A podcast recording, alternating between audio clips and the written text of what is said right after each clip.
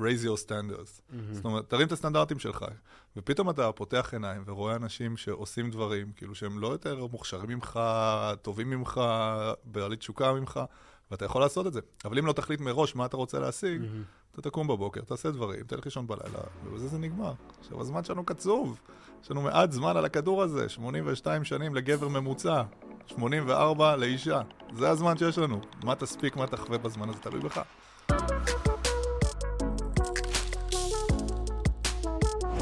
שלום לכולם וברוכים הבאים לפרק נוסף של Health for Movement, תוכנית העוסקת בבריאות ובאיכות חיים. האורח של היום הוא המייסד של חברת Taken Control, שעוזרת למנהלי עסקים בתחום הכושר והספורט למצות את הפוטנציאל שקיים בהם. את התהליך שלו בתוך עולם הכושר הוא התחיל כששיחק כדורסל, הוא הגיע לשחק אה, בליגה הלאומית, ובאיזשהו שלב הוא החליט שהוא רוצה לקחת את האהבה שלו לתחום הכושר ולהפוך את זה למקצוע. הוא התחיל להדריך בחדרי כושר בשביל שכר מינימום ובשעות הכי פחות כיפיות של פתיחה וסגירה, שאני מאוד יכול אה, להכיר ולהתחבר. אה, הוא למד תואר ראשון במנהל עסקים עם התמחות בשיווק, ותואר שני בפיתוח וייעוץ ארגוני, כשתמיד המיקוד שלו היה לפתח את תעשיית הכושר והספורט בישראל. עד היום הוא באמת מלווה ועוזר למאות מאמנים ומתאמנים אה, לממש את הערך שהם באו לתת לעולם, ובעצם לעשות את זה בצורה הטובה ביותר. אז כיף לארח פה היום את נועם קפלן. אהלן, וואו, איזה הצגה, תודה, כיף להיות פה. בכיף, בכיף, בשמחה, כיף שבאת. אה, אני אגיד שלמדתי ממך הרבה מאוד בתהליך שלי באמת כמעניין, כמאמן. אה, אני חושב שזה זה בעיקר הגישה שלך והיכולת להגיע בגובה העיניים, וקודם כל להיות באמת אה, בן אדם ש, שגם מצחיק ויוצר איזושהי אווירה, אווירה כיפית, אבל בא להעביר גם הרבה מאוד ידע פרקטי ש, שעוזר להביא את עצמך מנקודה A לנקודה B. אז אני בטוח שיהיה לנו מאוד מעניין היום. אה, ורציתי שנתחיל דווקא מאיזשהו משפט ששמעתי אותך אומר, שרוב האנשים אה, קמים בבוקר והולכים לישון בלילה מבלי לדעת מה הם רוצים. אה, אז מעניין אותי לדעת מאיפה מגיע הרעיון הזה, ולמה אתה חושב שזה, שזה בעייתי. בגדול, קודם כל כיף להיות פה, שוב, תודה שהזמנת אותי. בוודאי. אחד מהדברים החשובים זה שתהיה לנו תכלית, שתהיה לנו מטרה. לא תמיד היא כל כך ברורה. ורוב האנשים קמים בבוקר והולכים לישון בלילה ועושים פעולות. קמים בבוקר, מצחצחים שיניים, מסדרים את המיטה במקרה הטוב, מתלבשים, יוצאים לעבודה, חוזרים, אם יש משפחה, נמצאים עם המשפחה, ומתנהלים בצורה הזאת. אה, ולא שיש משהו רע בדבר הזה, אבל כשאתה שואל אנשים אה, לגבי מידת שביעות הרצון שלהם, נגיד מ-1 עד 10, כמה אתה שבע רצון מהמקום שלך בעבודה או בקריירה, יש ציון מסוים שהם נותנים שהוא לא תמיד 10, וכמה אתה שבע רצון מהמצב שלך במשפחה, מערכות היחסים עם בן או בת הזוג, יש ציון מסוים, וכמה אתה רואה את הילדים שלך, יש ציון מסוים, ומה בפנאי האישי שלך, mm-hmm. ומה בנוגע למעגלי החברה שלך, זאת אומרת, אנשים שאתה אוהב להיות איתם, שהם לא חלק מהמשפחה שלך. Mm-hmm. אגב, זה הציון הנמוך ביותר שאנשים בדרך כלל נותנים לעצמם במעגלי החברה ככל שהם מתבגרים. זה מוזנח. Yeah. ו... ואז כשאתה שואל, אוקיי, מה צריך לקרות כדי שזה יהיה עשר? אנשים לא יודעים להגיד כל כך. הם אומרים, אני רוצה יותר זמן עם המשפחה שלי, אני רוצה להרוויח יותר כסף. אוקיי, כמה? לא יודעים. כמה שיותר. זו תשובה כללית כזאת שאנשים נותנים. עכשיו, כמה שיותר זה מושג בלתי מושג. הנה, קח שקל, זה יותר. אתה מבסוט מזה? כנראה שלא.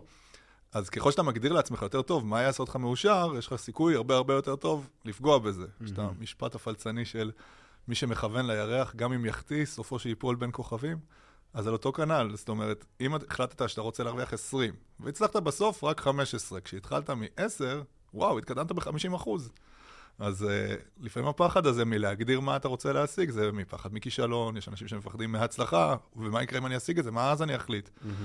אז הם... Uh, אתה, אתה בטח מכיר את טוני רובינס ושמעת אותו, אחד מהדברים שנגעו בי כשהוא דיבר זה raise your standards. Mm-hmm. זאת אומרת, תרים את הסטנדרטים שלך.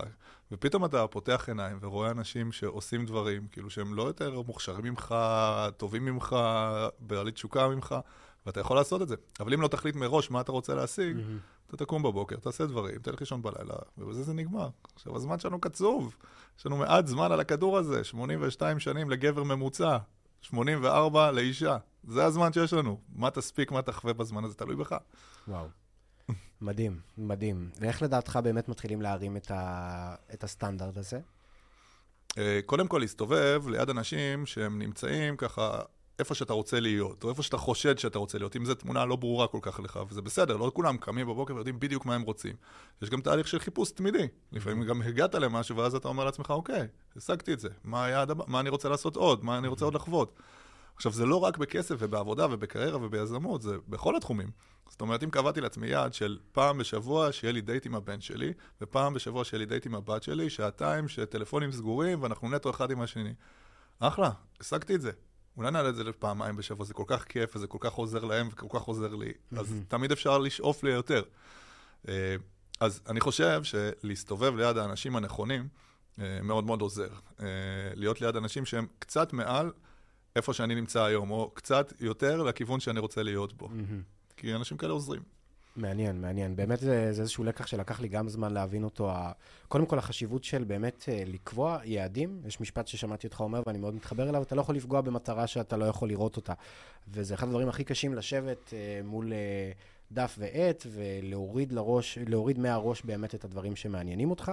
נגעת כבר מקודם באמת בשתי הסיבות, יש לנו את הפחד מכישלון ויש לנו גם את הפחד מהצלחה.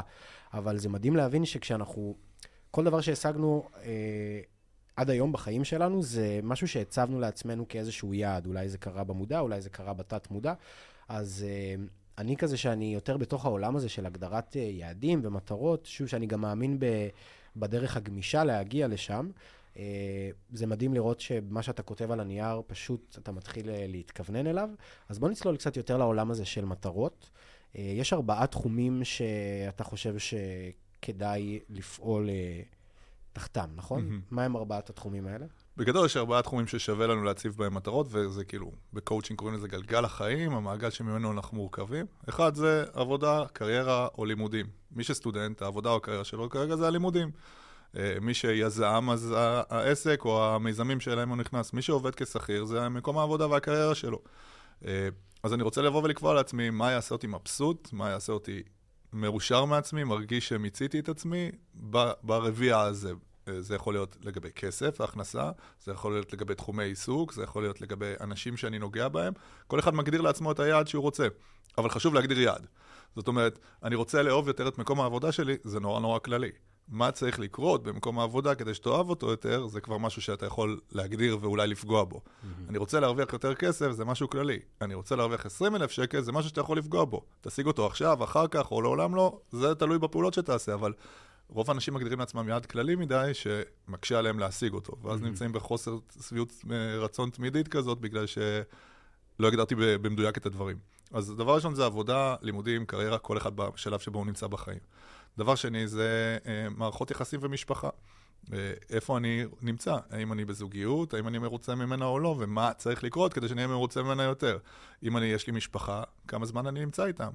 ולא להיות יותר זמן במש... עם המשפחה, כי שוב זו מטרה כללית, להיות פעמיים בשבוע עם כל ילד, ולהיות בדייט קבוע עם אשתי פעם בשבוע, זה משהו שבאמת אפשר לפגוע בו. עכשיו, לפעמים אנשים מציבים לעצמם מטרות לא הגיוניות, כמו למשל, אנחנו מכירים את זה מעולם הכושר, הוא לא התאמן בשנתיים האחרונות, ועכשיו, כמה פעמים בשבוע אתה מתכוון להגיע? כל יום. אוקיי, זה לכוון גבוה מדי. בוא נעלה על פעמיים בשבוע, זה 200 אחוז יותר ממה שעשית עד עכשיו, יש לך סיכוי הרבה יותר גדול לכבוש את זה ולהישאר עם טעם של עוד, ואז לאתגר את עצמך. אז לפעמים אנשים ברשימות, ואני בעד לשפוך הכל ברשימה, אבל אז לבחור שלושה בולטים עיקריים, שעליהם אני מתפקס בשנה הקרובה. Mm-hmm. ושנה זה זמן שאפשר לעשות uh, הישגים. אז רביע אחד אמרנו זה הנושא של עבודה, לימודים, קריירה, רביע השני זה הנושא של מערכות יחסים ומשפחה, רביע השלישי זה פנאי אישי. Uh, עשיתי פעם סקר כזה, יש uh, קורס שאני בונה כבר הרבה מאוד זמן על ניהול זמן, ורציתי לדעת איפה הפערים של אנשים, איפה הם מתקשים. ושאלתי אנשים, איזה ציון היית נותן לעצמך בנושא של ניהול זמן? אנשים נתנו לעצמם ציון ממוצע של 6, כאילו כולם סובלים מזה במידה מסוימת. האם קיבלת הכשרה פעם בתחום הזה? מעט מאוד קיבלו, פחות מ-10 אחוזים. וזה גם מסביר. ואם היה לך יותר זמן, מה היית עושה איתו? וזה מדהים, רוב האנשים, כאילו, הסיבה המרכזית הייתה, נתתי להם בולטים לבחירה. זה היה לבדלות יותר זמן עם הילדים והמשפחה שלי, הם, אה, אה, להשקיע יותר בעבודה, לעשות איזה מיזם שלא עשיתי. הבולט המרכזי היה, לומד תחביב חדש. לנגן על גיטרה, הם, להיכנס לכושר משלו, הם, לטייל יותר, זאת אומרת, משהו לעצמי. אז זה הרביעי השלישית, משהו לעצמי. אה, משהו, דברים שעושים לי כיף. שלושה כאלה בשנה שאני רוצה לכבוש. והרביעי זה בעצם אה, מערכות יחסים שהן לא משפחה קרובה, זאת אומרת חברים, מהלימודים, מהצבא, מהספורט, ממעגלי החברה השונים שאספת לאורך הזמן, או שאתה רוצה להרחיב. יש לי מישהו בקורס הנוכחי שהציב לעצמו יעד להכיר שלושה חברים טובים בשנה הקרובה. זה נשמע הזוי, כאילו, אבל אנשים בני 30 ו-40 לא פוגשים כבר. ואז כאילו, לפגוש אנשים שבאמת יש לי נושאים משותפים לשיחה איתם, יש לי מה ללמוד מהם, כיף לי להיות בחברתם, זה אחלה יעד, וזה משהו שאפשר להשיג. עכשיו, אם הוא ישיג שתיים, זה עדיין 200 אחוז יותר ממה שהיה לפני כן. אז הם, אה, אלה הם ארבעת התחומים ששווה כאילו להתביית עליהם, וכשחושבים על זה יותר, אז uh, רואים שכשאתה וי, וי, וי ו-V, אתה שלם. אתה מבסוט על עצמך, אתה מרגיש לא בחוסר, אתה מרגיש uh, טוב, mm-hmm. ואז אתה גם, זה, זה ממכר, זה משכפל את עצמו. כשאחד מוגבר, אגב, גם האחרים. אני מלמד ניהול עסקי, אז אני אומר לחבר'ה, כשתגדילו את העניין של העסק, אתם תאפשרו לעצמכם יותר דרגות חופש גם ברבעים האחרים. Mm-hmm. למרות שאתה לא חייב שיהיה לך עסק מצליח כדי שתבלה עם המשפחה והילדים שלך, זו החלטה שלך. כן. זה פשוט מקל על ההחלטה הזאת. מדהים, זה... חושב שזה באמת אה, משהו שהוא מאוד מאפיין את החברה שלנו, הקטע הזה של לנסות אה, לדחוף מאוד מאוד חזק בעולם של הקריירה, עבודה, לימודים, והרבה פעמים להפקיר את התחומים האחרים, ופתאום אין מה שמזין את עצמי מבחינת אנרגיה, אין שום דבר לא מטעין את עצמי. במצברים, ובגלל זה אני מאוד אוהב את הרעיון הזה של uh, להסתכל על התחומים הנוספים בחיים, כי זה המקום שבו אני נטען בדלק ו- ואני מגיע ומסוגל באמת, שם אני גם מתפתח, כי אנחנו חשוב שנתפתח כבני אדם מעבר רק לבעלי מקצוע. ואני אשמח גם לשתף שנגיד, uh, זה היה שנה שעברה, כשהיה את הראשון לראשון, 2021, אני בתהליך של מודעות, של התפתחות אישית, של כמה שנים, אמרתי, יאללה, מה יותר טוב מלפתוח את השנה הזאת uh, אני גר כזה יחסית קרוב לים, לוקח מחברת, לוקח עט, הולך, מתנקה, עושה איזה מדיטציה, חולה, וחושב מה, מה אני באמת רוצה, ומתחיל להוריד את זה לנייר.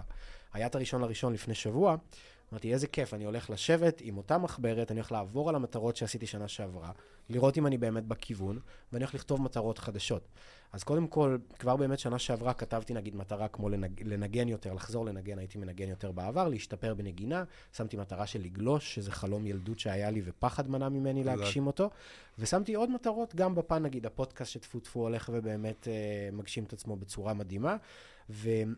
גם רציתי לחדד בהקשר הזה של הגמישות ליעדים, ראיתי שם הרבה מאוד יעדים שרשמתי ולא בדיוק הגעתי ליעד כמו שהוא, אבל זה ברוס לי אמר את זה פעם, שמטרה לפעמים יכולה להיות פשוט משהו לכוון אליו, לאו דווקא להכות בו. Mm-hmm.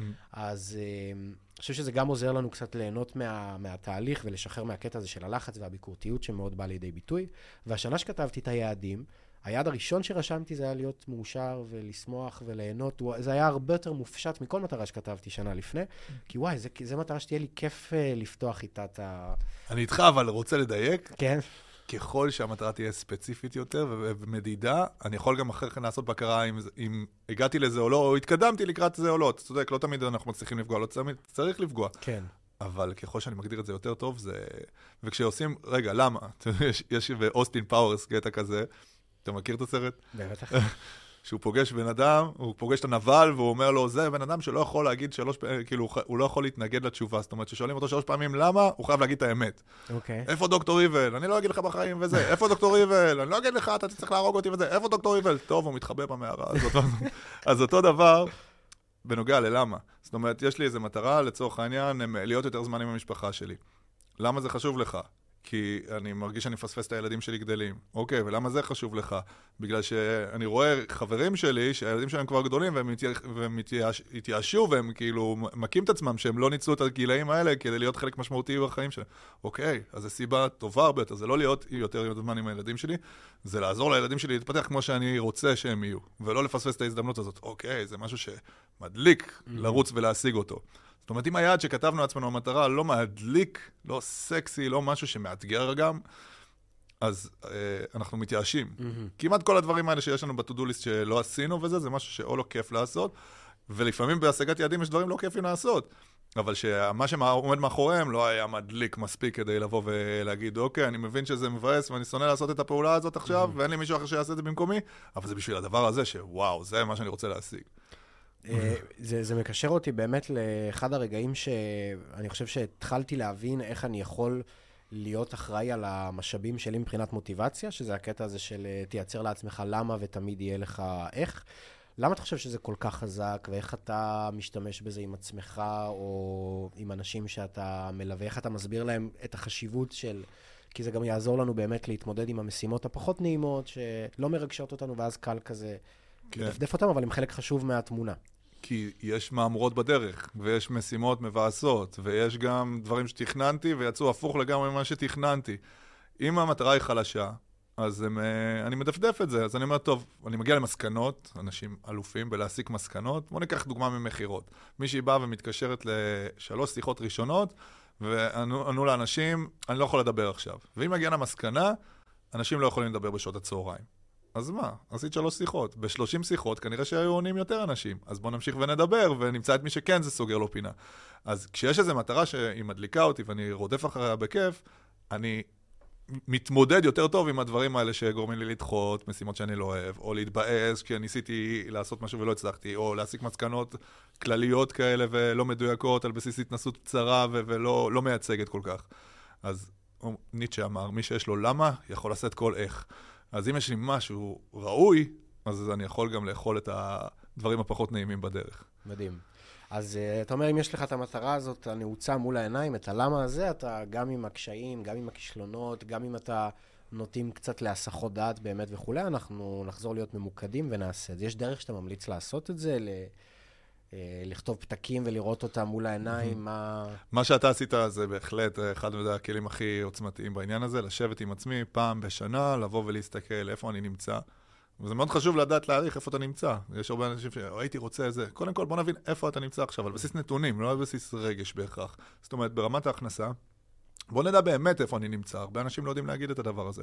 ברמת ה... לפגוש את המשפחה והחברים וזה, בוא נראה באמת, כמה באמת יוצא לי לשבת עם חברים שלי על בירה. מתי פעם אחרונה זה קרה? וואו, חצי שנה. אז, וזה שאתה יודע איפה אתה נמצא, מקל עליך גם לשים יד שהוא בר, בר קיימא, משהו שבאמת אפשר לפגוע בו. כי. אם פעם בחצי שנה אתה נפגש עם חברים שלך לבירה, ואתה רוצה לבוא ולהגדיל את הדבר הזה, לשים יד עכשיו של פעם בשבוע להיפגש איתם, זה לא ריאלי. כי עד עכשיו היית פעם בחצי שנה. אז בוא נעלה לפעם בחודש או לפעם בחודשיים, כבר השתפרת בצורה משמעותית בהקשר הזה. Mm-hmm. עכשיו, זה מוזר לדבר במונחי שיפור, כאילו לשבת בירה עם חברים, אבל אם זה משהו שבאמת חשוב לך, אתה צריך להחליט שאתה עושה את זה. Mm-hmm. אתה יכול להגיד, לא, החבר'ה שלי לא זורמים, ולמה אני צריך ל...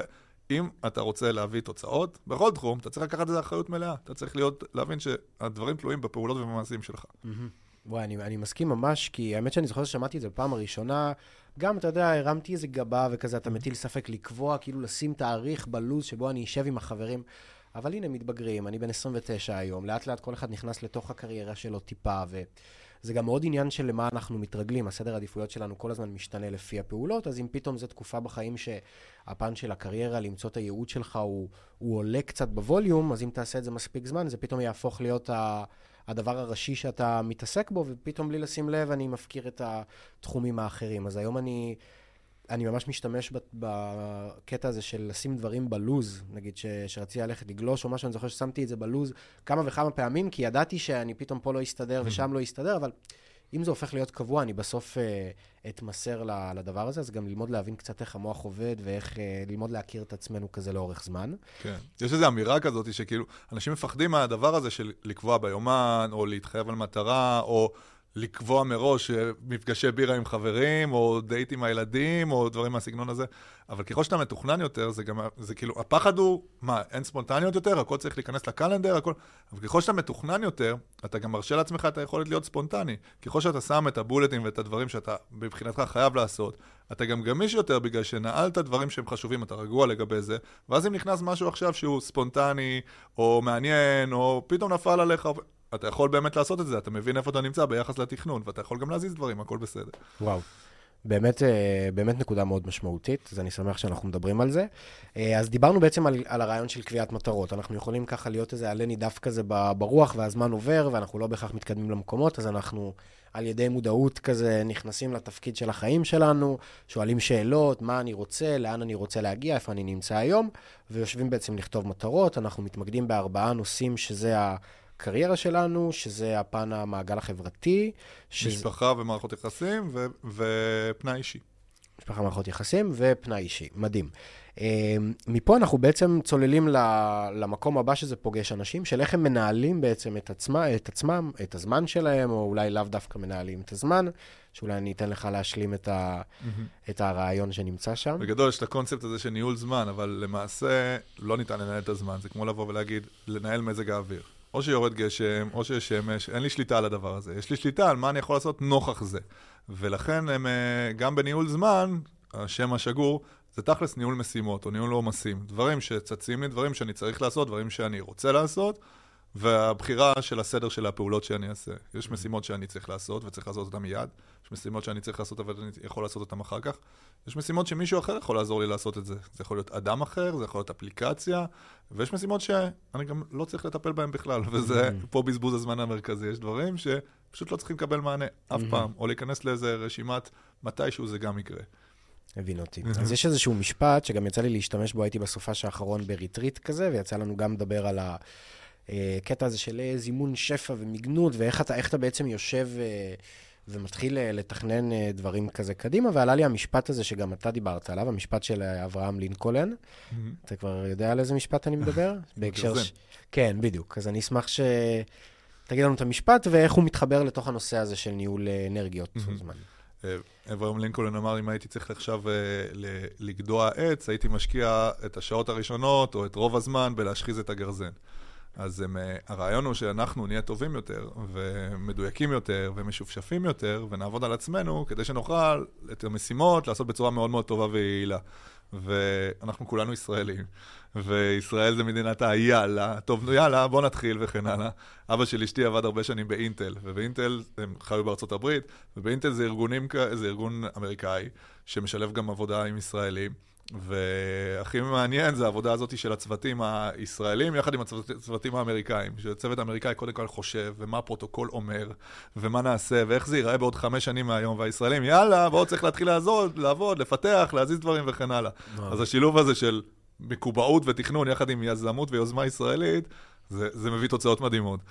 אז אה, אותו דבר אה, לגבינו, אנחנו מצד אחד קל לרוץ ולעשייה, אבל אם אני רץ לעשייה, כתבתי מטרות ויאללה, אני עכשיו מתחיל לבוא ולקדם, ונגמר לי הדלק בחודש הראשון, או אחרי שבוע, אחרי יום ראשון של עשייה, אז זה באסה. כי אחרי השאלה של מה אני רוצה להשיג, השאלה הבאה צריכה להיות, מה צריך לקרות כדי שאני אשיג את זה? זאת אומרת, מה אני צריך שיהיה לידי? זה יכול להיות אנשים, זה יכול להיות ידע, זה יכול להיות ציוד. אה, מישהו פעם חשב שה... המתחם המדהים הזה שאנחנו נמצאים בו, הוא רעיון טוב. ואז הוא שאל את עצמו עוד שאלות, הוא לא בא ואמר, אוקיי, אני עכשיו פותח מקום. צריך לחשוב, מה, מי הם האנשים, מהו הציוד, איפה זה יקרה בדיוק, איך זה ייראה, איזה תועלות זה ייתן לאנשים. אז לפני שרצים לבוא ולקיים את הרשימה שכתבנו, צריך לעשות גם איזשהו drill down של מה צריך לקרות כדי שזה יהיה. להשחיז את, ה... כן. את הגרזן. כן. מעניין. וקישרת, זה גם מתחבר לי לעוד משהו שבאמת... אה, דיברת עליו, כי, כי קשה היום לאנשים, אתה יודע, זה, זה, זה תירוץ שעולה להרבה אנשים בהרבה מאוד היבטים של האין לי זמן, וברגע שבאמת מבינים שהזמן כל הזמן רץ, זה איך אתה מנהל את האנרגיות שלך, בד... לדעתי זה גם מתחבר באמת לסדר עדיפויות, שגם טמון במשפט של ניטשה ושל הלמה, ולקבוע לעצמך את המטרות, כי מה שאני שמתי לב זה, ככל שחזרתי על המטרות, על החזון שלי, לדברים, זה כאילו אני מכניס את זה פנימה באמת לתת מודע, פחות ניכנס לזה בפרק הזה, דיברנו על זה במקומות אחרים, אבל פתאום אתה באופן אוטומטי כזה הולך לעבר המקום הזה, הדברים סוג של קורים קצת לבד.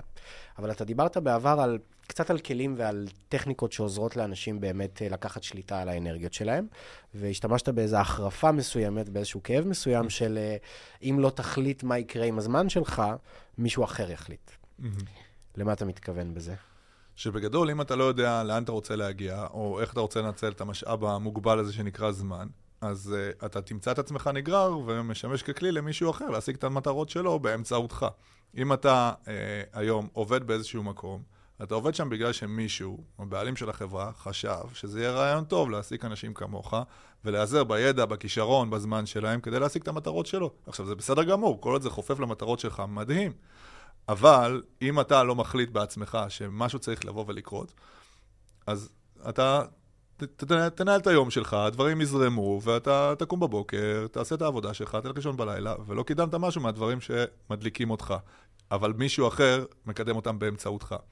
אם אתה לא תחליט, אני אתן לך דוגמה, אני, את התפקיד הניהולי המשמעותי הראשון שלי, ניהול מועדון כושר, הפעם הראשונה שניהלתי באמת בצורה הוליסטית יחידת רווח והפסד, זה היה ברשת גו אקטיב. ואמרו לי בהתחלה, תשמע, המדיניות אצלנו זה שמנהל, יושב בדלת פתוחה ונותן מענה לכולם. וזה נשמע לי מאוד הגיוני. אה, אז באתי ראשון אה, בבוקר למועדון, ויצאתי ב-12 בלילה במועדון, ולא הספקתי שום דבר מהדברים שהייתי אמור לעשות כמנהל. אבל הדלת שלי הייתה פתוחה כל הזמן. אז אם עובד רצה לבוא ולדבר איתי על זה שהחברה שלו זרקה אותו אתמול, הייתי פתוח לשם, וישבתי איתו, ודיברתי איתו, וניגבתי לו את הדמעות. ואם ספק רצה לבוא ולבכות שחשבונית שלו מתעכבת, או שהוא לא קיבל תשלום, אז הדלת פתוחה, הוא יכול לבוא ולהיכנס ולבוא ולדבר איתי. ואם לקוח רוצה, כמובן, בבקשה, אתה לקוח, אתה חשוב וכן הלאה. אבל באתי ראשון, הלכתי אחרון, ולא הספקתי שום דבר, ואני מקבל פידבקים לא טובים. אז אני לא מנהל את הזמן שלי, אלא הספק, העובד והלקוח הם אלה שמחליטים מה אני הולך לעשות עכשיו. עכשיו, כל השלושה האלה צריכים לקבל מענה. אבל לא דווקא עכשיו, ולאו דווקא על ידי, וזאת בעצם עבודת הניהול. עכשיו, כולנו מנהלים, בין אם בטייטל ובין אם אה, פשוט בגלל שאנחנו מנהלים את הזמן ואת המשימות שלנו. אז אם לא נחליט ונתעדף, מה יקרה עכשיו, מה יקרה אחר כך, מה מישהו אחר יעזור לנו בו, מה לא יעשה בכלל, נמצא את עצמנו מנסים לרצות את כולם, וזה מראש משימה בלתי אפשרית. אני רודף אחרי הזנב של עצמי, מנסה לרצות את כולם, ובסוף נכשל ולא משיג שום דבר מהדברים שמדליקים אותי ושאני רוצה לבוא ולקדם. Mm-hmm, mm-hmm. לכן אחד מהדברים החשובים בניהול זמן ומשימות, ובכלל, בהגשמה עצמית, זה יכולת להגיד לא, או לא עכשיו, או לא אני. זאת אומרת, לבוא ולבלום מישהו בנחמדות, באדיבות וכן הלאה, שרוצה חתיכה מהמשאב הכי יקר שיש, שזה הזמן שלי. עכשיו, מעניין אותי באמת, הנקודה הזאת, זה שיעור ענק אה, לחיים שלי גם, משהו שאני עד היום באמת עובד עליו, כי זה בא מהמקום הטבעי הזה, וגם הרבה מהחינוך שלנו, ואיך שגדלנו, הקטע הזה של להיות עם הדלת הפתוחה, ולהיות קשוב לאנשים, ולהיות בן אדם, ו... ולתת לאחר, ונתינה וכולי. אבל פתאום, אה, כאילו, בתקופה האחרונה אני מתחיל להבין שהקטע הזה של להגיד לא, זה לא ממקום אנוכי או אגואיסטי, זה, זה על מנת שאני אוכל באמת לקדם, לפתח uh, את הדברים שחשובים, שגם המטרה בסוף היא גם לתת את זה החוצה. קודם כל, האם היה לך קל ללמוד לה, להגיד לא? אה, איך, איך, אתה, איך אפשר, ל, אפשר לפתוח את הנושא הזה ולהבין שזה באמת, אה, איך אני מתמודד עם האי-נעימות שאני מקבל ממה שאני חושב שהצד השני מרגיש?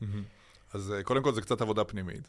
וגם איך מתקשרים את זה לצד האחר. למשל, אם אני אומר לך, אתה רוצה לבוא ולדבר איתי, ואני אומר לך, דורן, לא. או לא עכשיו, אני ממש עמוס. יש מצב שאתה תתבאס עליי ותגיד מה הוא חושב את עצמו, הוא מרים את האף, אין לו זמן בשבילי וכן הלאה. אבל אם אני, יכול, אם אני אומר לך את אותו דבר פשוט בקונוטציה אחרת, אני אומר, דורן, זה נשמע לי מה זה חשוב, אז בוא נקבע פגישה ביומן כדי שאני אוכל באמת להיות איתך, כדי שזה לא יהיה על הדרך ככה. אז פתאום דורן מבין שלנועם אכפת ממנו, ושהוא מקדיש לו זמן ביומן, 50% מהמקרים זה בכלל לא יקרה, mm-hmm. כי זה לא היה חשוב מספיק מלכתחילה. אז אה, זה טקטיקות כאלה שעוזרות, מצד אחד להרגיש לבן, שהצד השני לא ייפגע, או לא ירגיש שאני מתנשא, או, או לא רוצה לעזור לו, אבל מצד שני שזה ייעשה בזמן ובמקום שאני בוחר שזה יקרה. Mm-hmm. ולא בגלל שהוא עכשיו פתח את הדלת וצריך מענה, או הרים את הטלפון. בואו נדבר מילה על טלפון. רוב שיחות הטלפון שלנו, אם אנחנו אנשים יעילים ורוצים לקדם דברים, צריכות לא לקבל מענה. שיחת טלפון זה גנב הזמן מספר אחד שיש, אפילו יותר מפייסבוק ואינסטגרם. בגלל שמישהו אחר רוצה חתיכה מהזמן שלי עכשיו, בזמן שהוא בחר. כשאני עכשיו עסוק בלעשות דברים אחרים שכתבתי לעצמי ו- וכיוונתי לזה שהיום שלי ייגמר כשאני אגמור אותם. אז אני יכול לשלוח לו הודעת וואטסאפ, היי, אתה יכול לכתוב לי?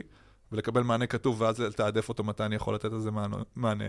ועדיין, אני לא יוצא מתנשא או, או לא בסדר או עם דלת סגורה, אבל בוא נעשה את זה בזמן שאפשר.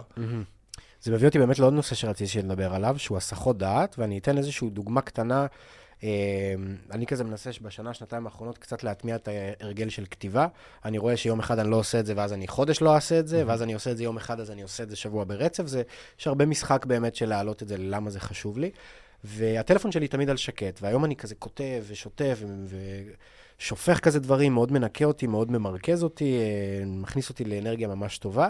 ובגלל שהוואטסאפ ווב שלי היה פתוח במחשב, אז יש את הרעש של ההודעה. בדיוק סיימתי להקליד משפט, ובתת מודע באתי כאילו לסיים את הסשן כתיבה בשביל להסתכל ולראות מה קורה. זה כבר לא קורה לי עם הטלפון, כי אני על שקט אה, המון המון זמן. למזלי, אני באמת מתרגל הרבה מודעות בשביל לקלוט אתה עכשיו אשכרה רוצה לסיים את הדבר הזה רק בשביל להציץ. כאילו, ברגע שאתה תיכנס ללופ הזה של להסתכל בוואטסאפ, אתה גם תרצה להגיב להודעה השנייה וכולי, ואתה כבר תצא מהשוונג הזה. הסחות דעת זה אחד הדברים שאוכלים לנו את הזמן, שזה אחד הדברים שממסכים אותנו מהמטרות שלנו ומהילדים. איך, אה, מה עושים? קודם כל, מה שעשית זה מאוד נכון, לשים את הטלפון לשקט, להפוך אותו אפילו, לפעמים מאוד שקט ונדלק לי משהו וזה. כל הנושא של התראות אוטומטיות או הודעות קופצות, הוא מיותר לחלוטין. זה כאילו אני מבקש אה, שאנשים יפריעו לי כשאני משאיר את הדברים האלה דולקים. מייל שנכנס ומשתלט לי על המסך, טינג כזה כשיש הודעה נכנסת. למה זה טוב? איך זה עוזר? אני רוצה לענות לכולם, אבל בזמן ובמקום שאני יכול לעשות את הדבר הזה. והניסיון הזה של כאילו לעשות multitasking ולעשות את הכל ביחד, אף אחד לא באמת יכול לעשות את זה. יש מחקרים שמראים שנשים טובות יותר בזה מאיתנו, אבל גם הן טובות יותר בלהתמודד עם יותר משימות במקביל, אבל לא בלהשלים אותן. זאת אומרת, להשאיר את הכדורים באוויר, אבל עדיין לא לבוא ולסגור את המשימה עד הסוף, כי כל אחד, גברים ונשים כאחד, צריכים להיות מרוכזים ב-100% כדי לסגור את הפינה. אז אני פשוט מזמן את ההפרעות כשאני משאיר את הדברים האלה דולקים ופתוחים.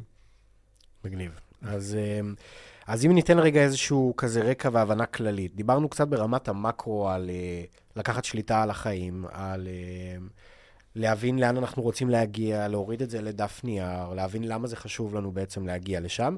הבנו גם בראייה הכללית אה, שהסחות דעת כזה לוקחות אותנו משם, את המשמעות של לקחת שליטה על הזמן שלי ועל מה אני הולך לעשות. בואו ננסה להוריד איזה טיפה למיקרו באמת ביום, ביום-יום. דיברת נגיד על העשר דקות הקדושות בתחילת היום, בזמן שאתה יורד עם הכלבה שהוא עלה שלך. כן. אה, אז באמת, הם, אה, לצאת ליום עבודה או ליום עשייה, כל אחד בתחום שלו, בלי לבוא ולכתוב מה אתה רוצה להשיג עד סיומו, זה כאילו לצאת למלחמה ולהשאיר את הרובה בבית. כי אין לך סיכוי להצליח. באופן טבעי, יהיו המון דברים שידרשו את uh, התייחסותך, ואתה תיגרר לזה ותיתן מענה לזה, ובסוף כולם יהיו סמי-הפי, ואתה בטוח לא, כי אתה לא תספיק לעשות את הדברים, כי שכחת את הרשימה בבית או לא כתבת את הדברים. אז זה מאוד מנקה לבוא ולהגיד, אוקיי, נניח ועכשיו היה לי יום עבודה חצי מהזמן, הייתי צריך לצאת בשתיים. מה המשימות הכי חשובות שאני רוצה להגשים היום? ומראש צריך לתכנן חצי יום, כי החצי השני יתמלא מעצמו, לא יעזור כלום. יהיו דברים שייכנסו, יהיו בלת"מים, יהיו דברים שחשבת שתעשה בהתחלה, אבל אתה לא יכול כי אתה תלוי בגורם שלישי, ואתה צריך לעשות את זה בסוף היום. אז צריך תמיד להשאיר איזה דרגות חופש. בגדול אנחנו יכולים להתמודד עם איזה חמש משימות ביום, כאילו חמישה בולטים כאלה. אז בעשר דקות ראשונות של היום, אתה כאילו בא ומסתכל, אוקיי, מה עומד לפניי? יש דברים שהם נעולים ביומן, פגישות שנקבעו כבר, פעולות שכבר קבעת בעבר שתעשה, ומה הם החמישה דברים? לפעמים זה שלושה דברים שאני הולך לקדם היום, שהכי יהיה משמעותי מבחינתי. אה, וזה מפקס, וזה מנטרל בולשיט, וזה אומר, אוקיי, זה מקדם אותי, מה שהשיחה שנכנסת עכשיו, הודעת וואטסאפ, המייל שנכנס עכשיו, הבן אדם שדופק לי על הדלת, מקדם אותי ביחס למה שעשיתי כאן? אם כן, אחלה, בוא נעשה את זה, אם לא, בוא נקבע איתו מועד אחר, בזמן ובמקום שנוח לי, כדי, כי יש לי חמישה דברים שהיום אני חייב לבוא ולהספיק. הבנתי. וזה משהו שכל אחד יכול לקחת את זה ל... לדרך שהוא רואה לנכון. נגיד, אתה שיתפת שאתה עושה את זה כשאתה יורד עם הכלבה באמת כזה בבוקר, וזמן... מאוד חשוב לדעתי שזה יהיה בתחילת היום, לפני שהבלאגן מתחיל, כי לבוא ולשבת במשרד שלך בעבודה ולעשות את זה עכשיו, אתה כבר בתוך הבלאגן. כבר אתה נגוע, התלכלכת.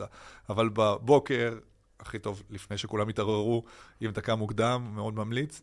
אה, בין אם זה לאימון ובין אם זה ליציאה עם הכלבה, זה לוקח שתי דקות, אתה בא ומסתכל מה הם הדברים שעומדים בפניי, מה תוכנן, מה קבעתי כבר מלפני כן, איזה דרגות חופש נשארו לי, ומה הדברים שהם ממש ממש חשוב. ואם עכשיו היה לי שעה לעבוד, מה הייתי עושה? זה שולק את הדברים החשובים ביותר.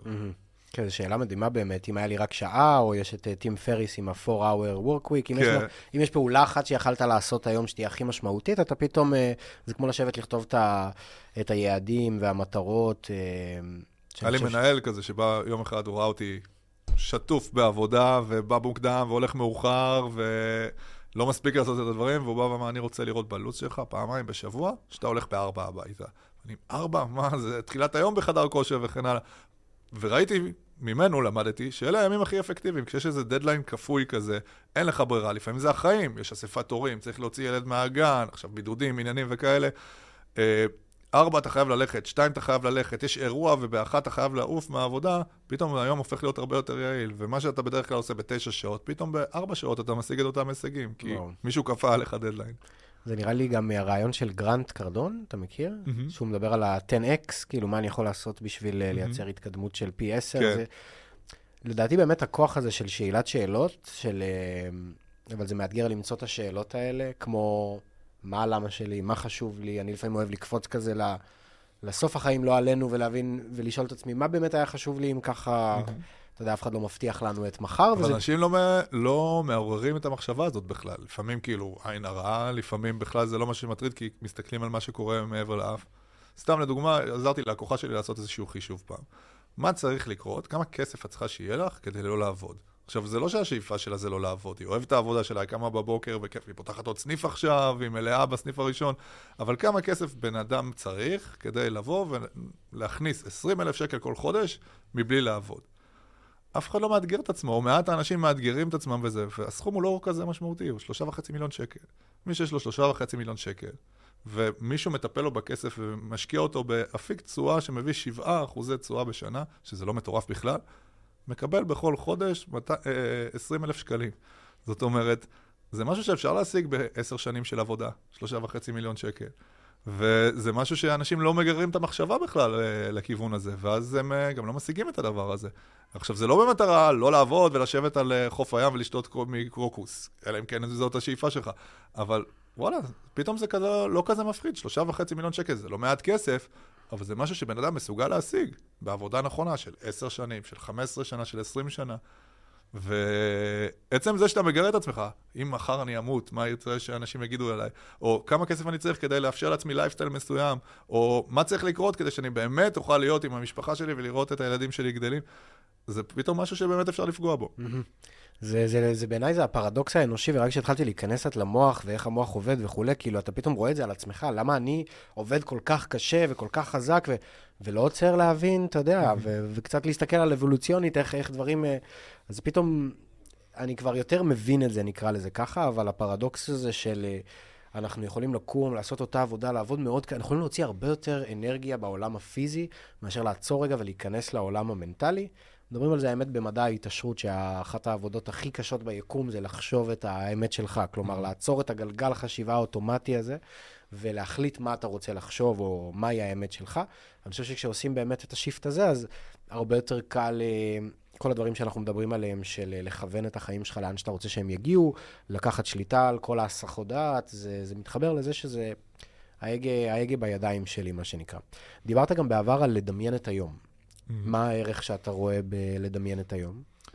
יש, בסופו של דבר, היום שלנו הוא חלקו הגדול ידוע מראש. ואני לא למדתי NLP, אבל יצא לי לחוות את זה מספר פעמים. גם כשטוני רובינס היה בארץ והיינו בנוקיה וראינו את זה, אחד מהדברים שהוא מראה זה, הוא בא ואומר לאנשים, בואו תראו כמה רחוק אתם יכולים להסתובב כשאתם עושים את זה. אחלה, אנשים מגיעים לנקודה מסוימת. ואז בנקודה מסוימת הוא בא ואומר, אוקיי, עכשיו אני רוצה שתדמיינו את עצמכם, כולם עוצמים עיניים. ואתם באים ובעצם עושים סיבוב מלא, אתם בעצם ינשוף, אתם יכולים להגיע עד הקצה השני ולהתרחב ולהתרחב ולהתרחב, עכשיו בואו נעשה את התרגיל הזה עוד פעם. ופתאום בשנייה אתה רואה שאתה שיפרת את עצמך ב-50%, ב-60%, עכשיו הגוף שלך לא השתנה, החוליות שלך לא השתנו, דמיינת את זה קורה, ואז ספורטאים מדברים על הדבר הזה, קובי בריינט, ז"ל, יש סרטונים שלו שהוא בא ומדבר, אני, את הזריקה הזאת המכרעת, זה נראה כאילו אה, עשיתי את זה עכשיו, אבל עשיתי את זה מאה אלף פעם בראש שלי לפני כן. ראיתי את עצמי באימון, כדררתי, שלוש, שתיים, אחד, עשיתי את ההטייה הזאת וזרקתי. עשיתי אותה 200 אלף פעם לפני כן, ובגלל זה עכשיו זה קל יותר. אז אותו דבר במיקרוקוסמוס שלנו היום. אתה יודע מה הולך לקרות, אתה תיכנס למשרד, אתה תגיד שלום לכולם, אתה תכין לעצמך קפה, זה יקרה, זה יקרה, זה יקרה, ויש לך משימות לעשות. אז ככל שאתה יכול לדמיין אותן, עכשיו אני אעשה את הדבר הזה, ואני אגמור את זה בצ'יק צ'אק, כי אני יודע שתמיד אני מורח את זה, אז אני אעשה את זה ראשון. וככה אתה בעצם מדמיין את היום שלך קדימה. עכשיו, כמו שאמרתי, לא תמיד זה יסתדר בדיוק אותו דבר, אבל יש לך את זה בראש, אתה כבר, זה לא זר לך לגמרי. וואו.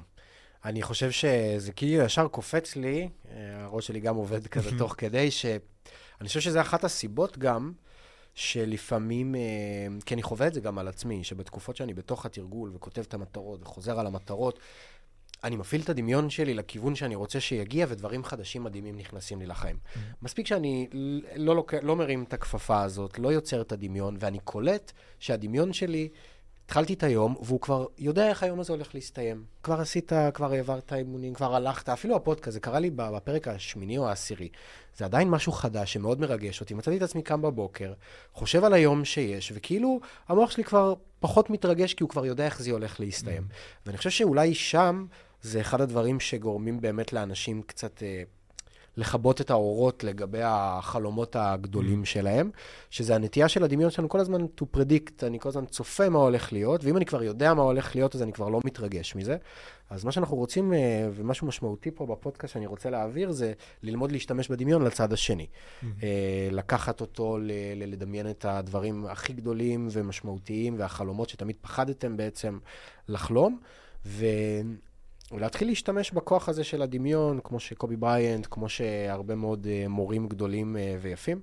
וזה מדהים לראות שאחד הכוחות החזקים של המוח האנושי זה הדמיון, אם אנחנו יודעים להשתמש בו באמת ככה לטובתנו. עכשיו, אם מדברים באמת מוח, מדברים קצת דמיון, אז גם דיברת פעם על הרעיון, על הספר לדעתי, שהמוח שלנו נועד uh, to have ideas, שיהיה לנו רעיונות, אבל הוא לא נועד uh, to keep them. Mm-hmm. Um, זה לא שלי, דיוויד אלן מאוד ממליץ, ספר שנקרא Getting Things Done, לגרום mm-hmm. לדברים לקרות, יש אותו גם בעברית, יש אותו גם באנגלית, יש סמינרים שנכתבו על הדבר הזה, ודייוויד אלן יש לו בעצם סיסטם כזה לניהול של זמן ומשימות, ואחד מהדברים שהוא אומר, אל תסמוך על הזיכרון שלך. Uh, יש פה capacity מוגבל, ואם אתה זוכר וזוכר וזוכר, בטוח משהו אתה לא תזכור. Uh, ולכן, קודם כל, אחד מהדברים שהוא בא ואומר, אתה צריך לרוקן את המוח שלך ממשימות פתוחות, ממעגלי פעולה פתוחים כאלה, נקרא לזה brain dump. זאת אומרת, אתה צריך לבוא ולשבת עם עצמך פעם אחת ביום ולרוקן את כל מה שיש כאן החוצה. וכאשר נכנס משהו חדש, אל תסמוך על זה. אתה צריך לבוא ולהקיא אותו החוצה, לאנשהו. אם אתה טיפוס שכותב, מחברת. אם אתה טיפוס של אפליקציות, אפליקציה. אם אתה רוצה לשלוח לעצמך מייל, שלח לעצמך מייל. מה שעוזר לך את זה, העיקר שזה system שעובד לך ועקבי בו, אתה עקבי בו. ושתוכל לבוא ולהתבונן על הדברים האלה, ואז לבוא ולתעדף אותם, לסווג אותם וכן הלאה. אז קודם כל, לא לסמוך על הזיכרון ולהקיא את הכל המחברת. הבנתי, זה באמת, אה, מאז שהתחלתי לעבוד קצת עם אה, מין דף משימות יומי, או מין אה, רובריקה כזו של רעיונות, ולהוריד את הדברים כזה למטה, אני אוהב מדי פעם סתם ככה לקחת את המחברת, פשוט להתגלגל מהדף הראשון, לראות כל מיני דברים שרשמתי, ופתאום, אה, זה באמת מעניין אותי, אז אולי אני אעלה אותו לראש סדר עדיפויות. אה, זה כבר לא רלוונטי, אז אני יכול להוריד אותו למטה.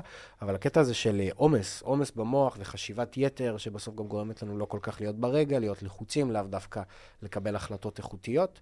אה, יש דרך שבה אתה ממליץ אה, לעשות את זה? אחת מהבעיות ב-to-do list האלה של מה אני אעשה היום, זה שזה אומר מה, אבל לא מתי. ולכן, כאילו, אפשר להמיר את ה-to-do list הזה של, אוקיי, אני צריך לעשות את זה, לעשות את זה, לעשות את זה. אגב, המשימות הן כמובן לא רק בעבודה או בקריירה או בלימודים, הן לקנות חול לחתול, זו משימה, אני צריך לעשות את זה, אוקיי? אז מתי? זאת אומרת, במקום לעשות רשימה של חמישה, שבעה, ארבעה, שמונה פריטים, אני בא ונועץ לעצמי את זה ביומן. יודע כמה זמן לוקח להזמין חול החתול? רבע שעה, עשר דקות, חמש דקות? נועץ, אני אעשה את זה בשעה 12. ואז, מי שעובד עם קלנדר, אאוטלוק, מה שלא זורם, אני מקבל נוטיפיקציה כזאת, אני רואה בסוף היום האם עשיתי את הדבר הזה או לא, וגם אני יודע מתי זה היה צריך להתבצע, זאת אומרת, מתי פישלתי.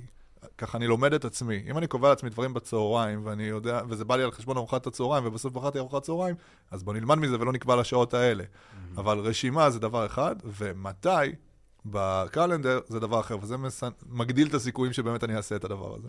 שזה כבר קצת להשתמש ב... באמצעים הטכנולוגיים, שאולי גם לפעמים קצת שואבים לנו מהזמן, אבל הנה, אני יכול להשתמש בזה לטובתי ולקחת את הכלי הזה שיעזור לי להגיע לאן שאני רוצה להגיע. כן, לגמרי.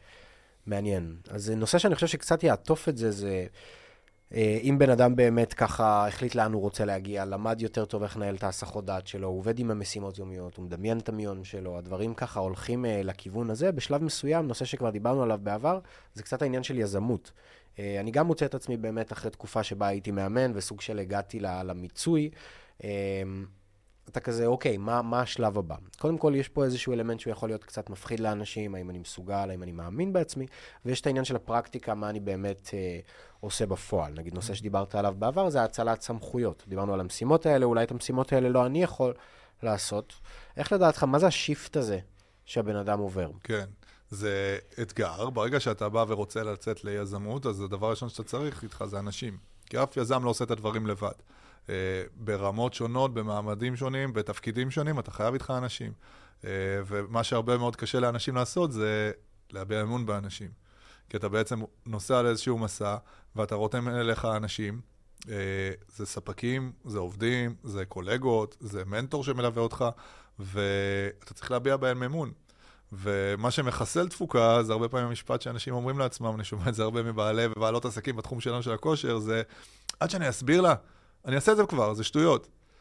ואז יצרתי פה עובדת שגם למדה שהמנהלת שלה, או הבוסית שלה עושה את הכל בעצמה ושהיא קצת מיותרת. זה גורם לה להקטין טיפונת את הראש. זה גורם לפעם הבאה שהבעיה הזאת תקרה, שהעובדת היא לא מיומנת לבוא ולקיים את הפעילות, אז הכל בעצם נכנס אליה, אל המנהלת לשולחן. ואז למה צריך את העובדת אם את עושה את הכל? אה, אתה ואת כמובן, זאת אומרת, אנחנו כולנו נופלים בדבר הזה. אה, יש חששות של אנשים מלפתוח אה, סטודיואים או עסקים בתחום הכושר, מחשש שהמדריכים מתישהו יהיו עצמאים גם הם ויקחו את כל הלקוחות. אם זו הגישה, כנראה שאתה לא צריך לפתוח עסק מלכתחילה. אתה לא יכול לעצור בן אדם מההתפתחות ומהחלומות שלו, אתה לא יכול להחתים אותו על איזשהו חוזה, אתה יכול, כאילו, אבל זה לא אפקטיבי. בסוף אתה מקווה שהיית איתו כל כך בסדר והוא כל כך מעריך אותך אישית ומקצועית, שאם הוא יפתח ויגשים את החלום שלו, זה לא יהיה מול הפרצוף שלך ולא עם הלקוחות שלך. אבל זה פחות או יותר זה. זאת אומרת, לא לרצות להקים ולהתפתח בגלל החשש שאולי יום אחד מישהו מהעובדים שלי יבוא ויהיה עצמאי בעצמו. אני יכול להגיד לך, לאורך השנים, ניהלתי אנשים, יש לי ארבע עובדות שונות שיצאו ועושות את מה שאני עושה. ואני מפרגן להם ומביא להם לקוחות, והן מתייעצות איתי, ואני שמח לשמוע מהן. זה חלק מה... אני רואה את זה כגאווה, זה כיף שמישהו מתפתח שעבר איתך במסע. Mm-hmm. אז מאוד חשוב אם יוצאים ליזמות, זה א', אה, להקיף את עצמך באנשים הנכונים, ולהביע בהם אמון. מעניין. משהו בנימה אישית שקצת עולה לי, כי קצת לשמוע אותך מדבר גם בכנסים, אגב, אתה מערים, מארגן באמת כנסים אה, מרתקים ומעשירים, הרבה פעמים גם הרווחים הולכים ל, לעמותות ולארגונים, שזה מהמם אה, בפני עצמו. אבל אני מאוד מעריך את התקשורת שלך. יש לך יכולת גם להעביר מסר בצורה שלאו דווקא, אתה יודע, יוצר איזושהי תחושה של אה, ניכור או פער מסוים, זה מאוד בגובה העיניים. אני חושב שגם יצא לי לראות אותך באמת אה, אומר לא, כמו שדיברנו מקודם. זה היה לדעתי בכנס האחרון, שמישהי שאלה, אפשר עכשיו הפסקה או זה... לא, אה, יש לו"ז, כאילו. אבל אתה עדיין אומר את זה עם חיוך, ואתה אתה נותן לבן אדם את התחושה בלב, כאילו, קודם כל מרגיש את הבן אדם. זה משהו שהוא בא לך טבעי? זה משהו שעבדת עליו? לא ידעתי את זה עד לפני שנייה, אבל תודה שאמרת לי. לגמרי. יש, יש בחור שאני עוקב אחריו בטיקטוק, כן, יש לי טיקטוק, אני מתקן. התירוץ זה הילדים, אבל תכלס אני רואה את זה איתם, והם חולים עליו, קוראים לו דני, אני לא זוכר את המשפחה שלו, והוא מורה. זה בחור שעשה, הוא בכלל למד תכנות ופיזיקה, והוא עשה הסבה, ונהיה מורה. ויש לו ערוץ מאוד מעניין בטיקטוק, והוא בעצם מסביר איך דברים קורים. הוא מסביר כאילו איך כדור הארץ נוצר, והוא מסביר על אה, כל מיני תופעות, וכימיה ופיזיקה, ולמה ציפור שיושבת על אה, חוט חשמל לא מתחשמלת, אבל אנחנו, אם נחזיק את זה, כן. כל מיני דברים כאלה. והוא מאוד מסביר את זה בגובה העיניים. קודם כל הוא מאוד חמוד ומאוד אינטליגנטי, בן אדם ברמה מאוד גבוהה, והוא מסביר את זה מאוד בגובה העיניים כזה. והרבה פעמים זה מדיה חברתית, וטיקטוק היא מדיה חברתית נוראית בקטע הזה. אנשים נכנסים אחד בשני, רבים אחד עם השני, אני, זה נוראי. וכותבים לו בתגובות כזה, זה לא מדויק, או זה פיזיקלית, מה שאמרת הוא לא נכון, וזה... ואז הוא לוקח את התגובות האלה ועושה עליהם סרטונים בעצמם, כאילו, הוא בא ואומר, אתה צודק מדעית, אבל אם אני רוצה לפתוח את עולמם של ילדים ולהפוך אותם לסקרנים יותר ולכאלה שכיף להם לעקוב אחריי ולהבין את מה שאני מדבר, אני לוקח מונחים ומפשט אותם לגובה העיניים כדי שבאמת נוכל לבוא ולדבר על זה ובאמת שהם יוכלו לבוא ולהיכנס לזה. קל לי מאוד לבוא ולדבר בשפה שאתה רוצה שאני אדבר, אף אחד לא ישמע מה שיש לי להגיד ואף אחד לא יישם ואף אחד לא ילמד כתוצאה מהדבר הזה. אז אותו דבר אני חושב שכאילו... אפשר לדבר עכשיו, אני אספר לך את האבולוציה של הקורס שלי, יש לי קורס שנקרא מנהל עסקים לתחומי הכושר והספורט, ורצתי אותו החל משנת 2015, 2016, מחזור ראשון, מרץ. ובראש שלי ובתכנון זה היה קורס למנהלי מועדוני כושר, כי משם אני הגעתי, מניהול מועדוני כושר גדולים. 3,000 לקוחות, כזה. והיה שם תכנים בהתאם, היה שם תכנים על מתן משוב לעובדים, היה שם תכנים על מיומנויות ניהול וכן הלאה. ועם הזמן ראיתי שמי שמגיע אליי יותר זה העסקים הקטנים והבינוניים. מישהי שהיא מצוינת ביוגה והיא רוצה לפתוח סטודיו. אין מה שאוב לעובד, כי אין לה עדיין עובדים, ובטווח הנראה לעין גם לא יהיו לה, וכשיהיו לה, אז יהיו לה שתי מדריכות של לא נהוג לעשות איתם שיחת משוב כל שלושה חודשים, כמו בארגונים הגדולים שמהם הגעתי, או מהמערכות הניהול הגדולות של זה. אז לאורך השנים, רמת הקורס שלי הלכה וירדה, וזה לא בגלל שאנשים לא ברמה נמוכה או משהו, בסוף ראיתי במה הם משתמשים בפועל. Mm-hmm. אז מדיבור מאוד מאוד גבוה ואקדמי, זה, אני, למדתי עם הזמן מה תכלס אנשים עושים ומשתמשים, ומה בסוף הם עושים, ואומרים לי, וואו, עשיתי וזה עבד לי. אז הם, אה, אני חושב שדיבור בגובה העיניים זה, זה, זה תמיד כיף, כיף יותר לתקשר עם בן אדם בצורה כזאת, ואז גם, אם באמת אתה רוצה שמה שאתה עושה יתקיים, אז אתה חייב לדבר בצורה כזאת שהצד השני יקבל את זה. אתה מכיר בטח מדריכים בחדר כושר כזה, שעומדים בקצי השני של החדר כושר ואומרים, וואו, מה אתה עושה? אתה תשבור את הגב, בוא בוא, אני אראה לך איך לעשות. אולי זה פידבק מקצועי מאוד מאוד נכון, אבל האופן שבו הוא הוגש, יצר אנטוגוניזם, הבן אדם רק רוצה להיכנס מתחת לשמיכה, וטוב, טוב, טוב, טוב, כן. רק אל תדבר אליי. לעומת זאת, יש מדריך אחר שיבוא ויגיד, יש לי הצעת ייעול, אפשר? זאת אומרת, אתה מבקש בכלל רצון להעיר לו ולתת לו פידבק. 99% מהמקרים יגיד לך כן, אחוז אחד מהמקרים יגיד, עזוב אחי, סט אחרון, תן לי, אני אחלה, אז אם תצטרך משהו אני כאן. ועצם זה שביקשת רק רשות לבוא ולתת לו פידבק, יש מצב שהוא באמת יקשיב למה שזה, כי הוא רואה שאתה בצד שלו. וואו. זה מדהים בעיניי, כי לדעתי זה יושב בעצם על הקטע של לא רק לבוא ולהגיד את מה שיש לך להגיד, שזה מאוד קל היום, ומה שרוב האנשים עושים, אלא, אלא להקשיב, אלא לראות את הצד השני, אלא לקבל אותו, להכיל אותו, להבין באיזה מצב הוא נמצא, ואז איך אני מסוגל לתקשר את המסר בצורה יותר טובה. אני גם חטאתי בזה בתחילת הדרך, או קורס מאמנים, או כל קורס שעשיתי, אתה בא ואתה מנסה, אתה רוצה לראות את כל ה... גם זה בא מתוך איזושהי הסתכלות של מה זה מאמן ואיך זה אמור להיות וכולי. ועם הזמן, כאילו, עם ניסיון, עם לפגוש אנשים, עם uh, כישלונות, עם הצלחות, אתה מתחיל לשאול את השאלות, ואתה, כאילו, הדרך שבה היום אני מנגיש, כאילו, בעיניי זה, זה אחד הש... זה דבר מאוד שונה. אני היום, אחד הדברים העיקריים שאני עושה בתהליכי ליווי ובאימונים זה, זה להנגיש לאנשים את עולם הספורט אחרת. זה מתחיל כן. מהשיח על הפסיכולוגיה. בוא נבין, אתה חושב על אימון, קופץ לך איזה בועה של מאמץ, של קושי, של זה, אתה כבר רוצה ל- ללכת הביתה. אז בוא נפתח את השיח הזה, ו... ופתאום זה עוזר לאנשים באמת uh, להתמיד בדרך שלא התמידו, לשנות את ההסתכלות. וואי, אני נהנה. זה אותו אימון, כאילו, זה אותו אימון. מוגש אחרת. מתאמנת שלפני כמה חודשים עשינו את השיחת התחלה, והיא, משפט שיצא לה מהפה זה שאני שונאת ספורט, mm-hmm. וכבר חודשיים, שלושה, כל פעם שאנחנו נפגשים, מספרת לי על בכמה כיף היא יוצאת, ושהיא עושה את הדברים לבד, כי הצלחנו לשבור את המיתוס הזה ו- ו- ולחשוב על זה אחרת, שזה באמת חושב שזה ערך uh, מקסים שאתה נותן לעולם, ותמשיך לעשות את זה. אמ, אז אני אשמח שתספר לו אולי לחברים בבית, uh, איפה הם יכולים אולי כזה לעקוב אחריך, יש לך את הקבוצת וואטסאפ עם הטיפ השבועי המהמם, יש לך את הקורס מנהל עסקים, כזה, אז בגדול, מה שאנחנו עושים בחברה זה שלושה דברים עיקריים. אנחנו בעצם מלמדים חבר'ה שרוצים להקים עסק בתחום הזה, בתחום הבריאות, הכושר והספורט, יוגה, פילאטיס, אומנויות לחימה, קרוספיט, אימונים פונקציונליים. איך לעשות את זה ב system מאוד מאוד ברור, בשיווק, במכירות, בתמחיר, איך עושים את זה בפועל.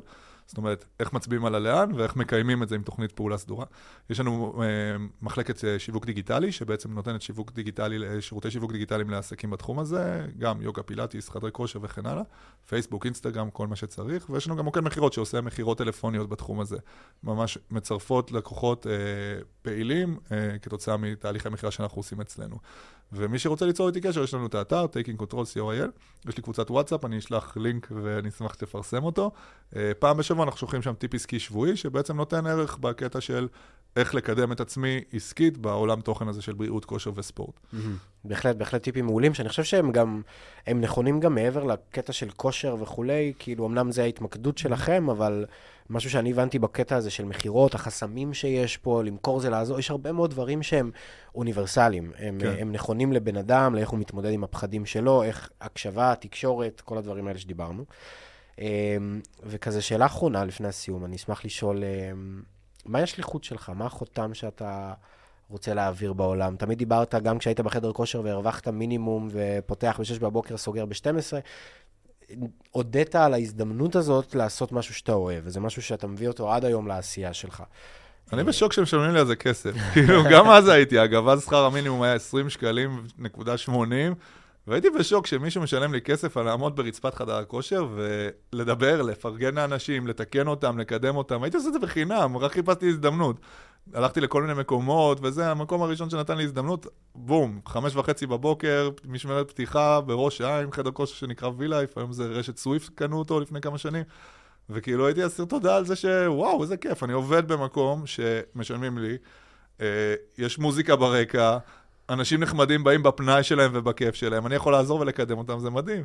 עכשיו, אני רואה את זה אצלי עד היום בחברה, כאילו, איזה מדהים זה שכאילו אנשים משתפים אותי בדילמות שלהם, בחלומות שלהם וכן הלאה, ואנחנו עושים ביחד מסע כזה להגשים את זה.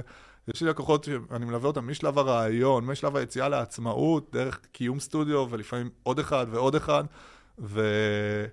אני בשוק שמשלמים לי על זה כסף, הייתי עושה את זה בחינם, אני עושה את זה בכיף עם אנשים גם ככה. איזה יופי, איזה יופי. אמן כל האנשים יבינו שהם יכולים uh, להתחבר ל, לייעוד שלהם, לעשות את הדברים שהם אוהבים ונהנים, והם יכולים גם באמת uh, להתפרנס מזה וככה... אפשר תמיד, פשוט אתה צריך לדעת לזוז מהמקום שלא עושה לך טוב. uh, זה, זה, זה נמצא שם, האפשרויות הן אינסופיות. זה, יש איזו מחשבה כזאת, טוב, אבל צריך להביא כסף. לא, אתה צריך קודם כל לעשות משהו ש... כיף לך לבוא ולעשות, ואז אתה תעשה את זה, תרגיש שאתה לא עובד, אתה תרגיש mm-hmm. בכיף. כן, זה... זה הבנה שגם לי מאוד עזרה להבין, לחשוב קודם על הכסף, זה, זה אחת הבעיות שיש, כי הכסף הוא התוצר הסופי שאתה מקבל אחרי שאתה נותן ערך mm-hmm. לעולם, אז קודם להבין מה מעניין אותך, במה אתה טוב, ואיך אתה יכול להעניק את זה, ו... והגלגל יסתובב חזרה. Mm-hmm. אז נועם, תודה רבה תודה רבה רבה. לך.